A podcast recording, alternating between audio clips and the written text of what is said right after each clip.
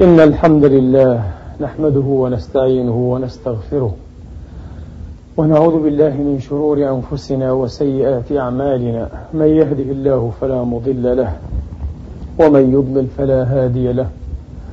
وأشهد أن لا إله إلا الله وحده لا شريك له. وأشهد أن سيدنا ونبينا محمدا عبد الله ورسوله. صلى الله تعالى عليه وعلى آله الطيبين الطاهرين وصحابته المباركين المجاهدين وأتباعهم بإحسان إلى يوم الدين وسلم تسليما كثيرا. عباد الله أوصيكم ونفسي الخاطئة بتقوى الله العظيم ولزوم طاعته. كما أحذركم وأحذر نفسي من عصيانه ومخالفة أمره لقوله سبحانه وتعالى من عمل صالحا فلنفسه ومن أساء فعليها وما ربك بظلام للعبيد. ثم أما بعد أيها الإخوة المسلمون الأحباب أيتها الأخوات المسلمات الكريمات يقول الله سبحانه وتعالى في كتابه العزيز بعد أن أعوذ بالله من الشيطان الرجيم. بسم الله الرحمن الرحيم. فاستقم كما أمرت ومن تاب معك ولا تطغوا. إنه بما تعملون بصير. ولا تركنوا إلى الذين ظلموا فتمسكم النار. وما لكم من دون الله من اولياء ثم لا تنصرون. واقم الصلاه طرفي النهار وزلفا من الليل. إن الحسنات يذهبن السيئات ذلك ذكرى للذاكرين. واصبر فإن الله لا يضيع أجر المحسنين. فلولا كان من القرون من قبلكم أولو بقية ينهون عن الفساد في الأرض إلا قليلا إلا قليلا ممن أنجينا منهم. واتبع الذين ظلموا ما أترفوا فيه وكانوا مجرمين. وما كان ربك ليهلك القرى بظلم واهلها مصلحون. صدق الله العظيم وبلغ رسوله الكريم ونحن على ذلك من الشاهدين. اللهم اجعلنا من شهداء الحق القائمين بالقسط. آمين. اللهم آمين. أيها الإخوة الأفاضل أيتها الأخوات الفاضلات هذه الآيات الكريمات من سورة هود. كان خير تجسيد وخير تمثيل لها. خروج الإمام الشهيد أبي عبد الله الحسين ابن علي بن أبي طالب عليهما السلام ورضي الله تعالى عنهما وأرضاهما على الطاغية الظالم الذي استحل محارم الله ونكث عهد الله وخالف عن سنة رسول الله وسار في عباد الله بالظلم. والفساد على يزيد ابن معاوية. خرج هذا الإمام الجليل في يوم من أيام الله المشهودات في يوم كيوم أمس عاشوراء من شهر الله المحرم فلم يرعوا لأهل بيت رسول الله حرمة ولم يرعوا حرمة للإسلام ولا حرمة للطفولة البريئة. ولا حرمة للزمان أيها الإخوة للشهر المحرم. وقتلوهم شر تقتيل وذبحوهم وأسروهم وفعلوا فيهم الأفاعيل. ثم بعد ذلك أيها الإخوة ثم بعد ذلك يختلف الناس ولا يزالون.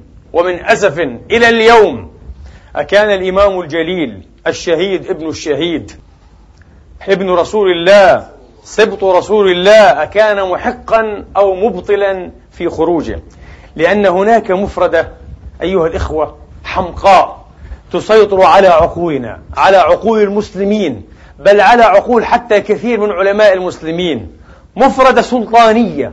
استطاع السلطان الظالم فرعون هذه الأمة في كل زمان أن يوظفها أحسن توظيف مع مفردة أخرى قرينة لها تشفعها دائما وأبدا.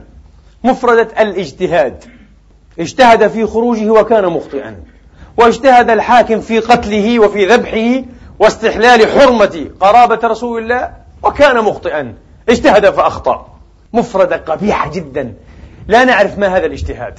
عن أي اجتهاد يتحدثون؟ عن الاجتهاد الأصولي الشرعي الذي له ضوابط وله شرائط أم أن الاجتهاد باب مفتوح على مصراعيه لكل ظالم ولكل طاغية ولكل سفاح مبير؟ وقاتل المجرم أثيم. بعد ذلك تبرر أفعاله وتبرر جرائمه بهذه المفردة الحمقاء الاجتهاد. إذا كل الطواغيت في عصورنا والذين لا نزال والعياذ بالله نعاني ونذوق المرائر بجرائرهم وبهم وبأفعالهم مجتهدون يجتهدون ويخطئون. والمفردة الثانية الفتنة. كل تحرك كل تغير كل كلمة حرة جريئة شجاعة تقال لتغير من هذا الوضع الآسن الراكد العفن. يقال إنها مدعاة للفتنة. الفتنة نائمة. ملعون من أيقظها. فتنة. إنها مفردة سلطانية حقيرة أخرى. لا تزال تتردد إلى اليوم للأسف وعلى ألسنة فقهاء السلطان وعلماء وعملاء السلاطين. الاجتهاد والفتنة. الاجتهاد والفتنة. إذا أخطأ المجرم الطاغية مباشرة التبرير جاهز. اجتهد فأخطأ رضي الله عنه. رضي الله عن قتلة الحسين. اجتهدوا فأخطأوا. رضي الله عن قتلة أئمة المسلمين عن قتلة الصحابة وأبناء الصحابة عن قتلة العلماء المجتهدين عن الذين فعلوا بالأمة الأفاعيل رضي الله عنهم. اجتهدوا فأخطأوا. استحماق. ما بعده استحماق؟ بل استحمار أكرمكم الله لهذه الأمة. استنزاف لوعي الأمة تزوير لحقائق التاريخ. ولكن أيها الإخوة كلمة تطمئن. كما الإسلام هو التاريخ أيضا. الإسلام يدافع عن نفسه باستمرار. لا يمكن أيها الإخوة والله لو اجتمع كل هؤلاء العلماء الزائفون الدجاجلة الأدعياء ووقفوا في صف واحد في صماط واحد مع كل الطواغيت والفراعين والظلمة والأفاكين ليزوروا روح الإسلام ما استطاعوا نعم يمكن أن يزوروا بعض أحكام الإسلام كأحكام الاجتهاد وأحكام الفتنة وما إلى ذلك لكن روح الإسلام لا تزور كيف؟ ماذا أريد أن أقول؟ انتبهوا هذا مبدأ مهم جدا معيار لفهم الحقائق لوزن الحقائق لو أردنا الآن أن نقول أه؟ نعقد مقارنة ماذا يمكن أن نجد عند شخص مثل يزيد ابن معاوية حتى عند أبيه معاوية أيضا للفقراء للمضطهدين للمهانين للمذلين. ائتوني وأنا أتحدى. ائتوني بأي شيء عند هذين وأمثالهما يمكن أن ننتصف به وأن ننتصر به لكل مظلوم لكل مذل لكل مهان لكل فقير. مش موجود. مستحيل. لكن إذا أردتم من تراثهم ومن أفعالهم ومن نظرياتهم أشياء كثيرة للأغنياء لشيوخ القبائل للشعراء الدجاجلة الكسبة الذين يتكسبون بقضايا الأمة أيها الإخوة بقضايا الأمة يمكن أن تجدوا الكثير. لكن في المقابل ماذا يمكن أن تجدوا عند أبي بكر الصديق رضي الله عنه وأرضاه؟ عند عمر عند علي عند سلمان عند المقداد عند أبي ذر الغفاري عند الحسين بن علي الكثير. كل شيء عند رسول الله. كل شيء للمذلين للضعفاء للمسحوقين للمهانين. كل شيء عند هذه الشخصيات العظيمة التي هي أحسن تجسيد للإسلام. لكن لا يمكن أن تجدوا أي شيء عند معاوية أو عند يزيد. مستحيل تكذبون على أنفسكم. لا يمكن. لماذا؟ كيف فهمتم هذا؟ لأن الإسلام يدافع عن نفسه. أنتم تقرؤون القرآن. مهما زيف وعيكم القرآن يدافع عن نفسه. القرآن ينحاز إلى الضعفاء إلى المضطهدين. واصبر نفسك يا محمد. واصبر نفسك. مع الذين يدعون ربهم بالغداة والعشي. يريدون وجهه من هم يا رب العالمين؟ إنهم الفقراء. بأنصاف الثياب أيها الإخوة. بأنصاف الثياب. إذا غسل أحدهم إزاره لم يخرج إلى صلاة الجماعة. لأنه عار. القرآن يقول محمد كن معهم. لا تعدل عن طريقهم. كن واحدا منهم. وهكذا.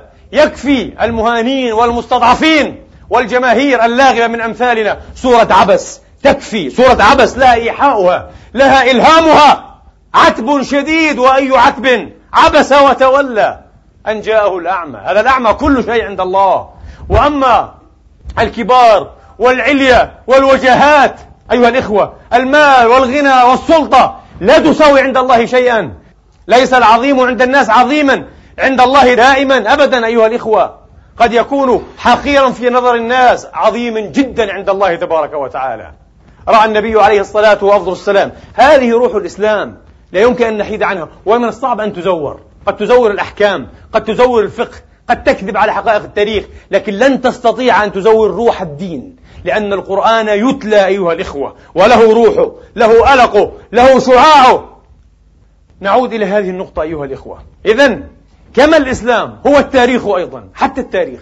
اتركوا هذا الكلام الذي تضلل به الحقائق وتغبش. من يدرينا أن هذه الحادثة وقعت هكذا؟ من يدرينا أن فلانا قال هذه الكلمة؟ لا أحد يستطيع أن يجزم. نعم. لا أحد يدري. لكن كل أحد يدري أيها الإخوة كل أحد يدري أن هناك اتجاهات في التاريخ. الاتجاه الأموي مثلا في التاريخ لا يمثل الإسلام. الاتجاه الراشدي يمثل الإسلام. الاتجاه السلطاني الذي يمتد إلى اليوم اليوم يمتد للأسف. ونحكم بأمثال هؤلاء. وأيضا باسم الإسلام وباسم المؤسسة وباسم الفتوى وباسم الأزهر وباسم ما بعد في الجامعات الإسلامية. نفس الشيء. هذا اتجاه زائف. لا يمثل الإسلام. لا يعكس روح الإسلام.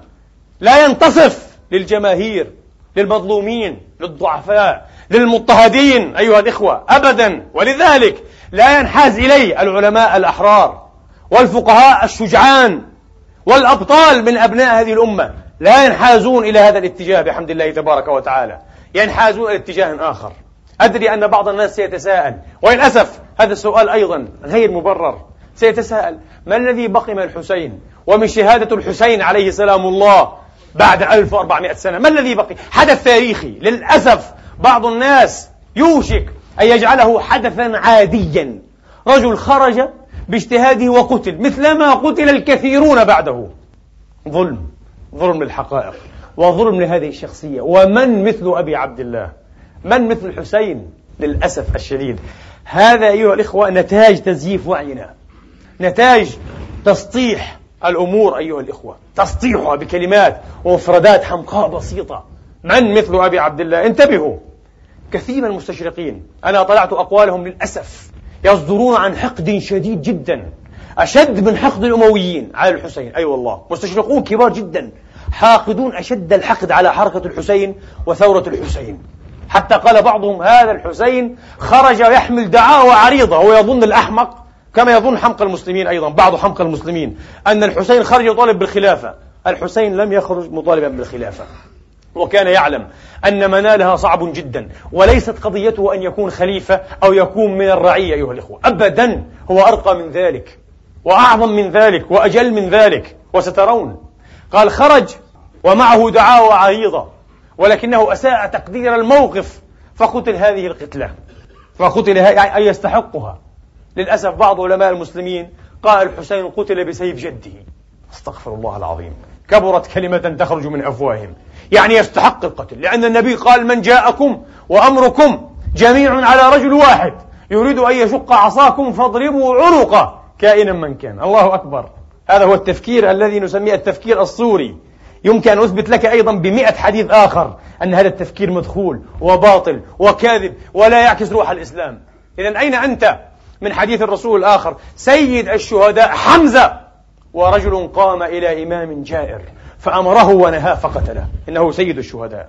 طبعا نحن موقنون أن للحسين أيها الإخوة في نفوس المسلمين سنة وشيعة ليس الشيعة وحدهم حتى السنة بحمد الله تبارك وتعالى. سنة وشيعة.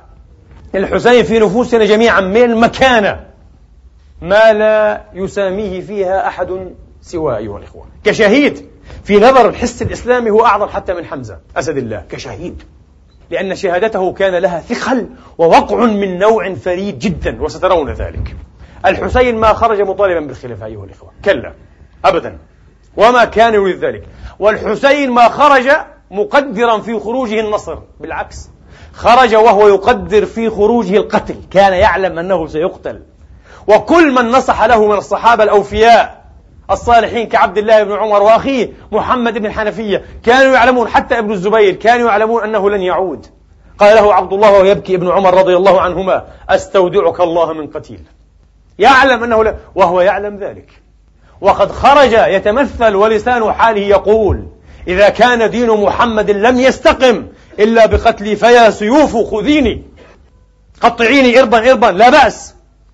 نريد هنا فقط في المقام والمقام قصير جدا للأسف. طبعا ويؤسفني أيها الإخوة أن نجعل الحديث عن هذه الثورة شرف الثورات وأم الشهادات حديثا موسميا.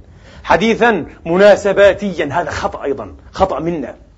لا ينبغي أن يكون حديث عن موقف الحسين وحركة الحسين وخروج الحسين ودروس شهادة الحسين حديثا مناسباتيا.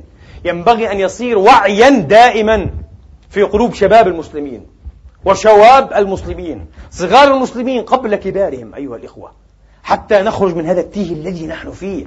حتى نخرج من لعنة الطغاة من لعنة الفراعين من لعنة الظلمة. من لعنة تزييف الوعي أيضا. امتد امتد الأمر أيها الإخوة بشكل مزرن بشكل أهانة. أهانة قيم ومبادئ وتاريخ وفعل وإيجابية هذه الأمة. قرون وقرون. ولا تزال الدائرة أيضا لا تزال هذه الرحى تطحن تطحن كل ما ذكر على كل إلا أنه للأسف حديث موسمي. حين خرج هذا الإمام الجليل رضي الله تعالى عنه وأرضاه أبى أن يخرج إلى اليمن. وفي اليمن له ولأبيه ولأهل بيته شيعة متكاثرون وقد كانوا قادرين على نصره ومنعه كما لا يقدر أهل العراق وبالذات أهل الكوفة إلا أنه أبى. ونصح له الصحابة لماذا لا تسير إلى اليمن؟ وهي أبعد منالا أيها الإخوة من الكوفة. وأبعد من عاصمة بني أمية. قال لا إلى الكوفة وإلى العراق. ليس لأنه كان مغرورا بالأحمال والكتب التي سيرها إليه أهل العراق هو يعلم طبيعة هؤلاء الناس. وهو يعلم كيف أنهم هم الذين قتلوا أباه وخذلوا أخاه. يعلم ذلك جيدا. لكنه قدر شيئا آخر ربما تسمعونه لأول مرة. كان يقدر تقديرا آخر. ونجح. ونجح في خروجه عليه السلام ما لم ينجح لا أبوه ولا أخوه من قبل رضي الله عنهم وأرضاهم أجمعين.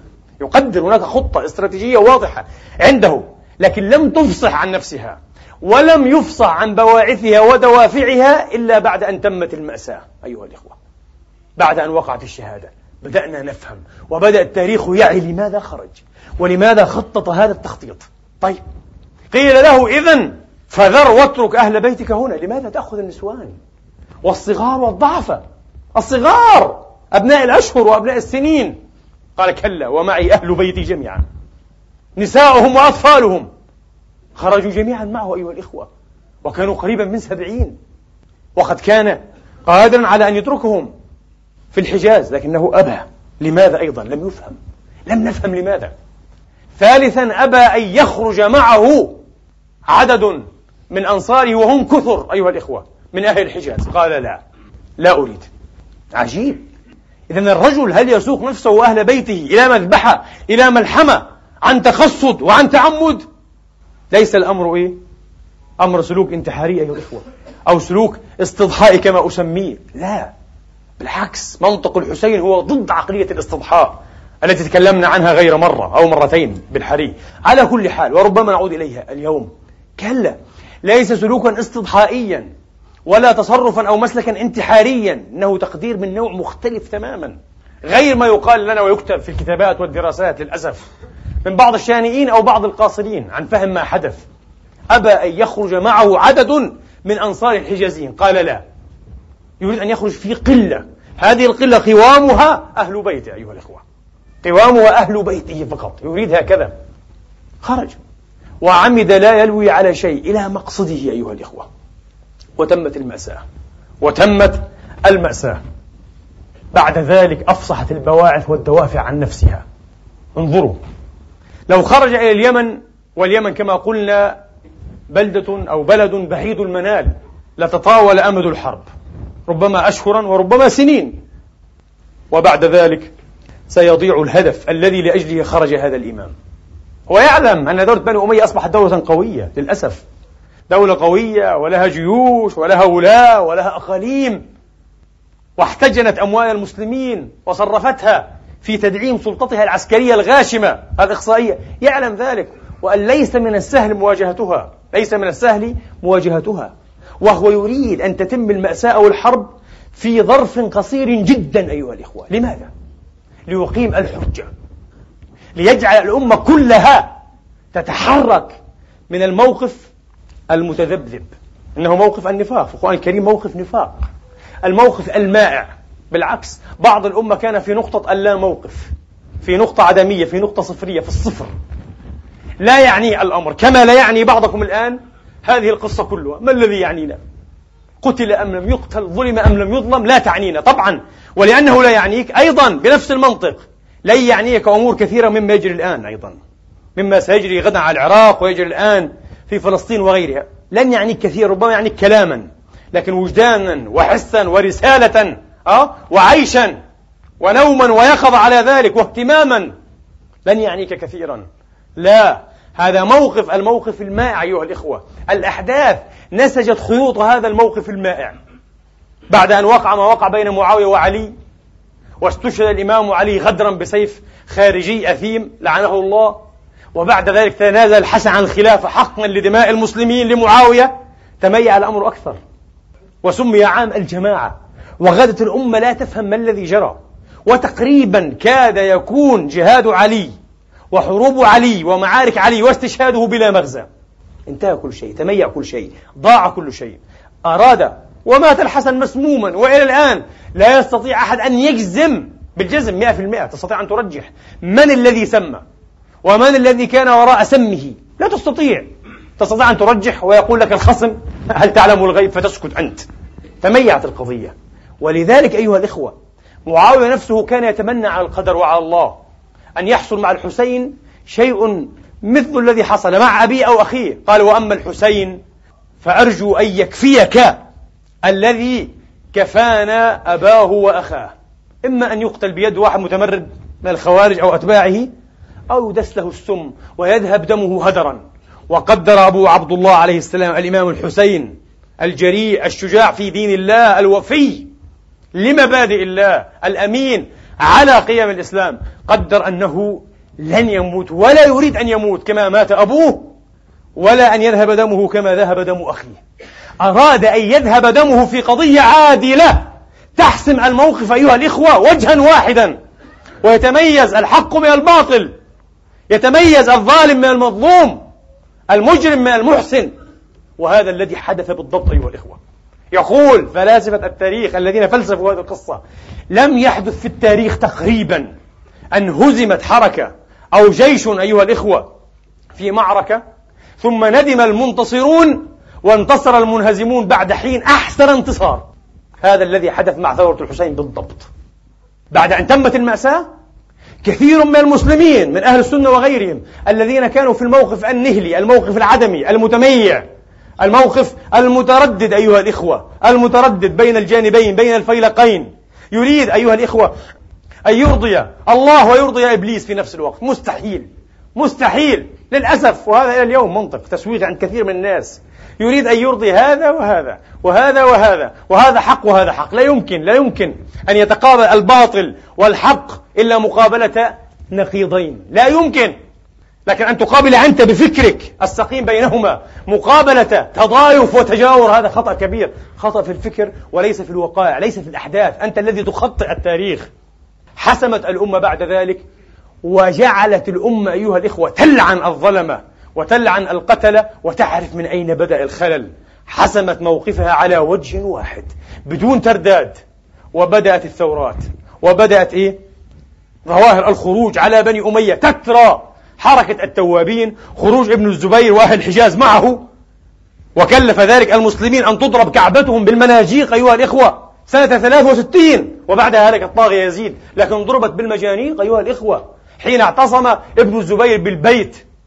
وبعد ذلك على أيام عبد الملك بن مروان ضربت مرة أخرى واحترق البيت على يد الفاسق المجرم الحجاج بن يوسف عميل بني أمية. ضرب البيت الكعبة استحلت.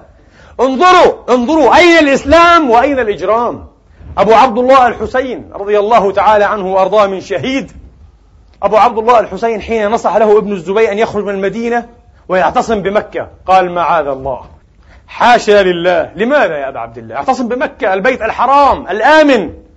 قال لقد سمعت أبي يقول الإمام علي عليه السلام وكرم الله وجهه لقد سمعت أبي يقول إن للبيت كبشا. به تستحل حرمته وأعوذ بالله أن أكون ذلك الكبش والله الذي لا إله إلا هو. لأن أقتل خارجا منها بشبر. أحب إلي من أن أقتل داخلا منها بشبر. ذلك ومن يعظم شعائر الله فإنها من تقوى القلوب. أين هذا الإمام الفرد العلم من الذين ضربوا الكعبة بالمجانيق؟ وقالوا حين سئلوا لعنة الله على الظالمين كيف؟ كيف تضربون بيت الله؟ قالوا أمران. أمران تقابلا أيها الإخوة. أمران تقابلا. أمر الله وحرمة البيت وطاعة الإمام يعني طاعة يزيد طاعة الخليفة. فقدمنا الطاعة على الحرمة. ما هذا المنطق الإجرامي؟ هذا منطق الآن قد يسمى بلغة العصر منطق مصلحي منطق مقاصدي وحدة الأمة وحدة البيضة. لا تعرف نوع من الجنون نوع من الإلحاد في آيات الله. الإلحاد. لكن الحسين فضل أن يموت هو وأهل بيته جميعا. على أن تستحل الكعبة على أن يستحل البيت وأقسم على ذلك. ثم قال عليه السلام والله لو كنت في جحر هامة من هذه الهوام لاستخرجوني منه حتى يقضوا في نهمتهم هو عارف أنه مقتول مقتول. لكن كما قلنا في الخطبة الماضية أيها الإخوة هو رسم وخطط ودبر واختار وحسم كيف يقتل. اختار الميتة التي حركت الأمة. اختار الميتة التي أصبحت لعنة مدوية أيها الإخوة. صارت ثارات الحسين. هي شعار كل الخارجين على بني أمية. يا لثارات الحسين. وانتهت الدولة أيها الإخوة بعد أمد قصير. نصف قرن تقريبا انتهت دولة بني أمية بالكامل. انتبهوا. وباسم الحسين. وبدم الحسين. ودماء أهل بيته الأطهار الذين قضوا شهداء في ساحة كربلاء. قامت خلافة للعباسيين. اقرأوا التاريخ. كيف قامت خلافة العباسيين؟ كيف قامت؟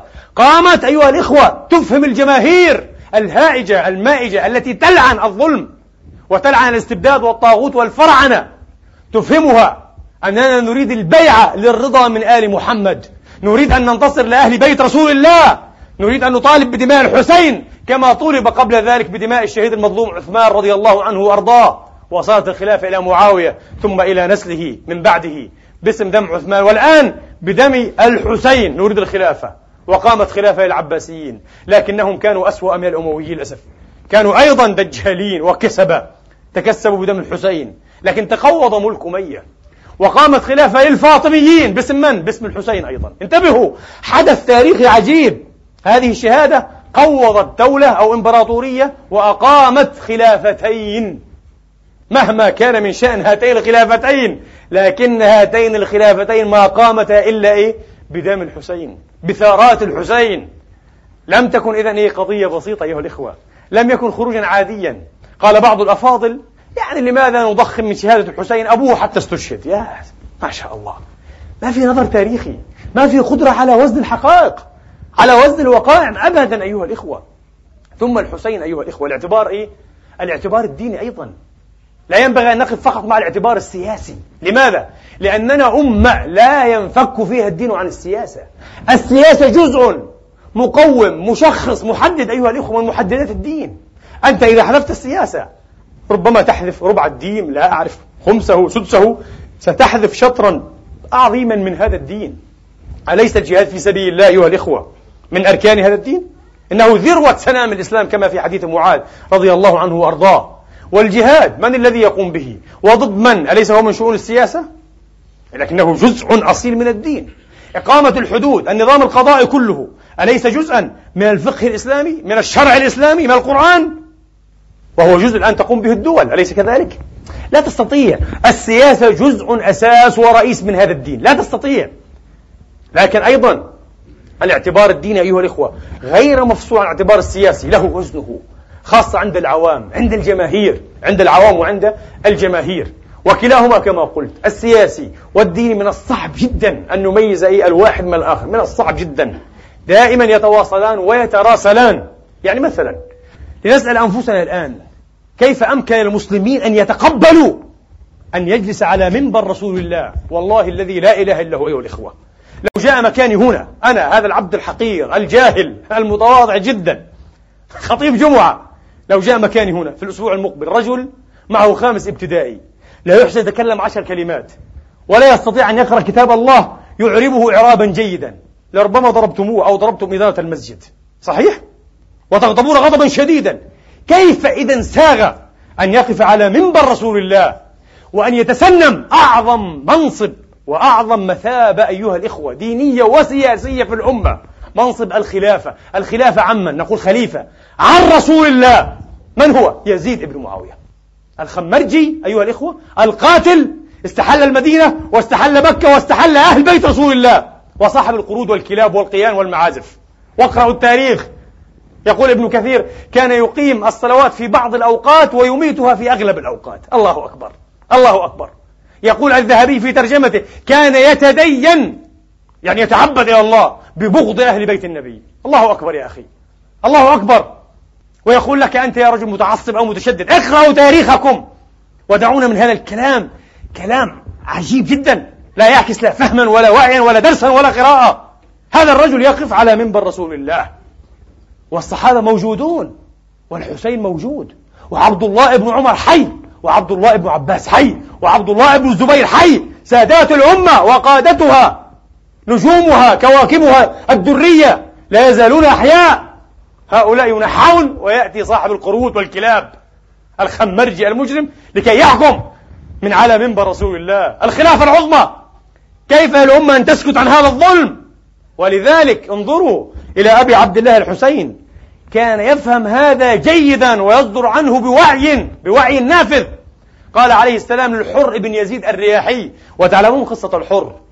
الحر وهو حر إن شاء الله فعلا دنيا وآخرة. هذا كان من قادة زياد الملعون عبيد الله بن زياد كان من قادته من قادة الأمويين. يريد ضيعة يريد فلوسا يريد أن يترقى ربما. ولكن في اللحظات الأخيرة ولم يكن يتصور أن الأمويين وعملائهم يمكن فعلا أن يعقدوا مذبح لآل بيت الرسول. كان يحسب أن العملية مسرحية يعني كما ساعات السياسة اليوم. في آخر لحظة قال عمر بن سعد قال له أحقا تريدون أن تقاتلوا هذا الرجل؟ وأهل بيته قال نعم. والله سنقاتله قتالا أيسره أن تطيح فيه الرؤوس والأعناق. قال الله أكبر. الحر بن يزيد إذا الأمر جد. الآن ساعة الموقف. انتبهوا. قبل أسبوع قال لي أحدهم كلمة. أحد الإخوة الأحباب. والله إنها كلمة عظيمة. قال لي ليس الإسلام في نظري أن تصلي وأن تصوم وأن تحج عشرين أو ثلاثين مرة. وتتدروش وتطلق لحيتك وتلبس جلبابا أو تلبس نقابا. ليس هذا الإسلام الحقيقي. قال الإسلام الحقيقي يأتي في لحظات. قلت له ماذا تعني؟ قال لحظات الموقف. إذا اقتضت مصلحة الإسلام ومصلحة الأمة أن تقف موقفا. قف موقفا صحيحا لمرة واحدة وستدخل التاريخ والجنة إن شاء الله تعالى. هو موقف. ولو لمرة واحدة. وكم دخل التاريخ؟ عظماء مخلدون أماجد أناس بمواقف مفردة أيها الإخوة. وعند الله لن تضيع لهم. الحر سجل موقفا. وطوى مراحل كبيرة ومراحل بعيدة سحيقة بين النذالة أيها الإخوة وبين الكرامة بين الخساسة وبين الرفعة بين الخيانة وبين الأمانة لهذا الدين ولرسول الله ولأهل بيته. طواها ربما في عشر دقائق. لوى عنان فرسه وتردد قليلا. فروقه أحد جنوده. جندي مأمور. فأقبل عليه وقال له يا حر والله إن أمرك لمريب. وما رأيتك قبل اليوم قط تتردد هذا التردد. ويحك ما خلفك؟ ثم قال له ولو سئلت من أشجع أهل الكوفة لما عدوتك. معروف بالشجاعة الحرة هذا أشجع أهل الكوفة. ما بالك متردد؟ فقال له ويحك. إني أخير نفسي بين الجنة والنار. يعلم أن قتل الحسين أخسر طريق إلى نار جهنم. مش اجتهد فأخطأ. اجتهد فأخطأ. أين اجتهد فأخطأ من قول النبي؟ والذي نفسي بيده لو أن أهل السماوات والأرض اشتركوا في دم امرئ مسلم لكبهم الله في النار على وجوههم. امرئ مسلم مش ابن مش ابن فاطمة مش ابن علي مش ابن رسول الله مش الحسين. سيد شباب أهل الجنة مسلم عادي مثلي مثلك. لأكبهم الله في نار جهنم. قابل الله بمنطق اجتهد فأخطأ يا رب. يا رب اجتهد فأخطأ. هل تستطيع أن تقابل ربك غدا بهذا المنطق؟ أو تقابل نبيك غدا على الحوض بهذا المنطق؟ ستشرب من حوضه؟ تريد أن تشرب من حوض جد الحسين؟ وقد منع الحسين وأهل بيته جميعا ثلاثة أيام من الماء ومات ضاميا ثلاثة أيام. لم يعطوه ابنه الصغير أيها الإخوة ابن أشهر ضربه المجرم أحدهم بسهم فنحره من الوريد إلى الوريد. ومات الطفل أيضا أيها وقد شرق بدمه. لم يعطوه قطرة من ماء. طفل صغير ابن أشهر رضيع ابن حسين أيضا ابن رسول الله. أهل بيت رسول الله إلا المودة في القربة إلا المذابح في القربة إلا الملاحم باسم الإسلام في القربة. كارثة مأساة وأي مأساة. من مبلغ فاطمة بضعة أحمد قضى نجلها ضامن بصارف ملحدي بصارم ملحدي. أيقضي سبط النبي محمد ضمن وجده الساقي على الحوض في غدي. أيقضي ضمن؟ وجده صلى الله عليه وسلم هو الساقي على الحوض في غدي. ثلاثة أيام انظروا إلى النذالة إلى الخساسة. ثلاثة أيام منعوا المسلمين. لا نقول أهل بيت النبي مسلمين. إنهم مسلمون أمثالكم. منعوهم الماء. ثم مثلوا بهم ومثلوا بأبي عبد الله. أيها الإخوة داسوا صدره الشريف وبدنه بخيولهم لعنة الله عليهم. الحقد حقد النذالة حقد الجبناء. إنه حقد الجو حتى هذا مع الكافر ممنوع أبو بكر غضب غضبا شديدا لما جيء يوما برأس رأس كافر. قال لا تحمل ألا لا يحملين لا يحملن إلي بعد اليوم رأس أبدا. غضب ما هذا التمثيل؟ منهي عنه. لكن مثلنا بأبناء رسول الله. رسول قيصر أيها الإخوة رسول قيصر. جعلتنا هذه الحادثة شماتة للكفار. رسول قيصر الروم بعث المسلمين لبني أمية يقول لهم يقول لهم لدينا في دير من الديور في مكان عندهم في بلاد الروم. حافر حمار عيسى. نعظمه كما تعظمون الكعبة. وننذر له النذور العظام. وأنتم قتلتم ابن بنت نبيكم. هنيئا لكم. أنتم أشهدوا أنكم على باطل. رسول قيصر. هكذا بعث قيصر يقول. نحن نقدس مش عيسى. حافر حمار عيسى. مش ابن محمد ابن بنت محمد. لا أنتم قتلتموه. قال أشهد أنكم على باطل. كذب منافقون. باسم الدين. الدين منكم براء. الدين منكم براء على كل حال. ثم قال الحر ابن يزيد لجنديه. قال أؤامر نفسي بين الجنة والنار فلا والله لا أختار على الجنة شيئا. ولو قطعت إربا إربا ولو مزقت ولو حرقت بالنار. ثم ثنى عنان فرسه وصار في عسكر الحسين عليه السلام. فقال له الحسين صدقت أمك إذ سمتك الحر. وإنك لحر إن شاء الله في الدنيا والآخرة. هذا رجل حر في ساعة تبدل موقفه. وقاتل قتال الصناديد الكماء الحماء الأبطال. وخر صريعا رضي الله عن الحر وأرضاه. جرت بينهما أيها الإخوة محادثة بين الحسين والحر. فقال له الحسين يخاطبه في الناس في جماعة الناس أيها الناس لقد قال رسولكم صلى الله عليه وآله وأصحابه وسلم من رأى سلطانا جائرا ظالما يستحل محارم الله. أو قال يستحل حرام الله. أي محارم الله؟ يستحل حرام الله. وينكث بعهود الله. ويخالف عن سنة رسول الله. ويعيث في أمة محمد بالفساد والجور. إلا كان حقا على الله أن يدخل مدخله كل من لم يغير عليه بقول ولا فعل. الله أكبر. لا تقل لي أنا هذه أمور سياسية لا أتدخل فيها أتركها لأهلها. أتركها للعلماء أتركها للمفاتي للفقهاء. سيدخلك الله مدخل هؤلاء الظلمة. ينبغي أن تكون لك كلمة وكلمة جهيرة الحمد لله. كما قلنا الحقائق تدافع عن نفسها. في حس الأمة كلها الساكت عن الحق. ليس معذورا. شيطان أخرس. شيطان. وشيطان أخرس. الساكت عن الحق شيطان أخرس. شارل بيجي الشاعر الفرنسي الشهير يقول كلمة حقيقية بنفس المعنى. يقول كل من علم الحق لا يرتاب فيه ثم لم يصرخ به بصوت جهير هو في زمرة الكذابين والمزيفين. طبعا كذاب. تسكت أنت كذاب بسكوتك أنت كذاب. تكثر سواد الكذابين والزي والمزيفين. ينبغي أن تصرخ بالحقيقة من غير تهيب ولا وجل. أيها الإخوة التاريخ لا يتحرك أحيانا حين يجمد وتاريخنا الآن جامد. الآن الأمة الإسلامية الأمة المحمدية واقعها وتاريخها جامد. نكاد لا نتحرك وإذا تحركنا نتحرك إلى الخلف. تعرفون التاريخ أيها الإخوة لا يحركه إلا رجال من طراز الحسين عليه السلام. استكملوا شرطين أيها الإخوة. الوعي الصحيح بالمبادئ طبعا الخالدة للمبادئ الصحيحة. ليست المسممة ليست المضللة ليست المزيفة. الوعي الصحيح وبعد الوعي الوعي وحده غير كاف. هناك أناس تعرف الحقائق لكنها تجبن وتخاف وتقدم مصالحها. أليس كذلك؟ أو مصالح فئتها أو حزبها أو قبيلتها أو أو لا لا, لا ندري. الوعي أولا ثم بعد ذلك الروح الروح حل الروح الوثابة الروح الصادقة الروح بكلمة واحدة الحرة الروح الحرة المتحررة. هؤلاء أيها الإخوة سيحركون التاريخ وصدقوني لا عبرة هنا لا بالكثرة ولا بالقلة ولا بالنصر ولا بالهزيمة في المدى العاجل. قد قد يهزم هؤلاء في المدى العاجل لكنهم بحول الله وقوة الله وكتاب الله وكلماته وسنن الله منصورون غدا أو بعد غد إن شاء الله تعالى. واقرأوا التاريخ كله. من هم الأنبياء؟ من هم الرسل؟ هل هم إلا أفراد؟ مجرد أفراد. وكيف بدأوا؟ هل بدأوا بجماعات بالملايين؟ برؤوسهم. برؤوسهم الحاسرة هكذا وحدهم. حاسرة ليس بينها وبين السماء حجاب. صلة قوية. وحدهم بدأوا. وبعد ذلك انتهى بعضهم ومضى شهيدا. قتل دون أن يحقق شيئا في المدى القريب. وبعضهم خرج بأحاد الناس. اتبعوه عشرات أو مئات فقط. بعد 30 40 50 سنة. من الصدع بماذا؟ بالكلم العلوي بالهدى السماوي. وبعضهم أخرج الله به أمة خالدة. كهذه الأمة المرحومة. نسأل الله أن يرحمنا وأن يرحم بنا وأن يفتح علينا بالحق وهو خير الفاتحين. أقول قولي هذا وأستغفر الله لي ولكم فاستغفروه.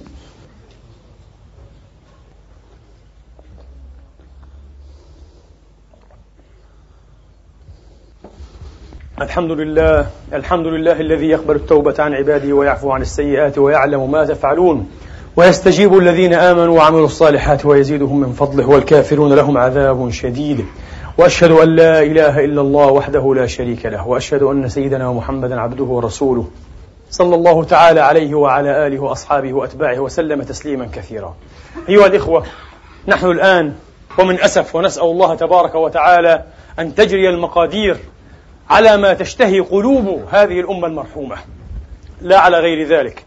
نحن الآن على موعد مع المجهول المعلوم مع كارثة تتهدد لا أقول العراق وفلسطين ومصيرهما يبدو واحد للأسف مرتبط تماما. مصير ما سيقع الفلسطينيين غدا مرتبط بما سيقع للعراقيين أيضا في غد. لا تتربص ولا تتهدد أيها الإخوة فلسطين والعراق وحدهما على ما يبدو وهذا لم يجمجم به القوم وإنما صرحوا به غير مرة. أنها تتهدد وتستهدف العالم الإسلامي الأمة الإسلامية على طولها وعرضها. اقرأوا فقط أنتم في الصحف الأجنبية خاصة الأمريكية. اقرأوا ماذا يكتب المحللون الكبار الصحفيون الكتاب. شيء عجيب. سم ناقع. ليس ضد العراق والسعودية وابن لادن ضد الإسلام. هكذا دائما يتناولون الإسلام والمسلمين والأمة الإسلامية والعلماء المسلمين باستمرار. كل يوم تكتب هذه الأشياء. سم ناقع. حشد. عجيب وغريب جدا جدا. ولكن في موقفنا ريب أيها الإخوة. نحن نحن في كل مكان كمسلمين للأسف في موقفنا ما يقلق في موقفنا ما يريب أو ما يريب. ما هو؟ ننتظر نحن ننتظر الطامة. طبعا في نفوسنا أنا أعلم أيضا بحمد الله صدق هذه الأمة في نفوسنا أشياء كثيرة محتقنة وتعتمل في الداخل. لكن نتربص بها ماذا؟ نتلبث بها ماذا؟ نتلبث بها أن تقع الواقعة. حتى إذا وقعت فنحن نعد لها أن تغص الشوارع بالمتظاهرين باللافتات التي تدعو إلى الجهاد باستمطار اللعنات على أمريكا وإسرائيل. بي بي بي. بعد أن تقع الواقعة. للأسف تعلمون لماذا؟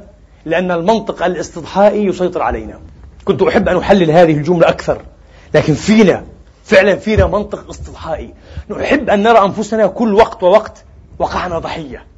بعد ذلك بعد أن نرى أنفسنا ضحية للأسف نبدأ نصرخ ونبدأ نتوسل ونستمطر الحنان وربما أيضا نبدأ ندافع عن أنفسنا لون دفاع هذا منطق قاتل منطق انتحاري. أحد الكتاب الأجانب كتب كتاب حدثتكم عنه مرة. كتب كتابا رائعا جدا.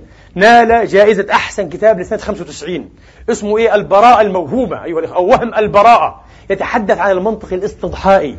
والكتاب كله يلخص بكلمة واحدة. ويل كل الويل لأمة أيها الإخوة. تنتظر أن تكون ضحية. مصيبة أقسم بالله. أمة تنتظر وتتحرك بمنطق الاستضحاء وبعد أن تقع ضحية تريد أن تدافع عن نفسها هي أمة ربما لا تستحق العيش. لا يمكن أن نتحرك بهذا المنطق. لا يمكن أن نتحرك بهذا المنطق. قد نعود إلى هذه الجملة وأن نفصلها تفصيلا أوسع بإذن الله تعالى في مرة قادمة إذا قدر الله ذلك. أيها الإخوة ومن هذا المنطلق حتى لا أضل عن هذا الإعلان الهام غدا بحمد الله تبارك وتعالى وبمبادرة إسلامية محض. لأول مرة هنا تخرج تظاهرة ضد هذه الحرب الضروس الملعونة النيو إمبريالية أو استعمارية على العراق والعالم الإسلامي بمبادرة من إخوة مسلمين. أفاضل بارك الله فيهم. ودعيت إليها جمعيات ومنظمات كثيرة جدا. هذه المظاهرة غدا. السبت ستتحرك الواحدة والنصف من أمام الأوبرا.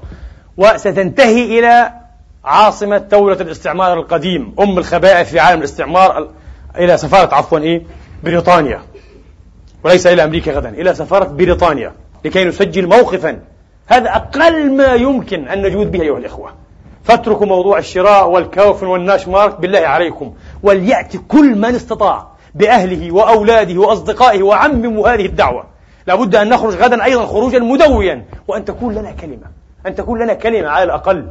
نسأل الله تبارك وتعالى أن يفتح علينا جميعا وأن ينصرنا. وأن يظفرنا بأعدائنا. اللهم انصرنا فإنه لا ناصر لنا سواك. اللهم أيدنا وأيد بنا يا رب العالمين. اللهم خذل عنا أعداءنا واخذلهم بقوتك يا عزيز يا متين. يا جبار يا قهار. اللهم إنا نسألك وندعوك ونبتهل إليك أن تحصيهم جميعا عددا وأن تقتلهم بددا. اللهم اكفنا شرورهم بما شئت كيف شئت يا رب العالمين. نشكو إليك ضعف قوتنا وقلة حيلتنا وهوانا على الناس. يا أرحم الراحمين. عباد الله إن الله يأمر بالعدل والإحسان وإيتاء ذي القربى وينهى عن الفحشاء والمنكر والبغي. يعظكم لعلكم تذكرون. فستذكرون ما أقول لكم وأفوض أمري إلى الله. إن الله بصير بالعباد. قوموا إلى صلاتكم يرحمني ويرحمكم الله.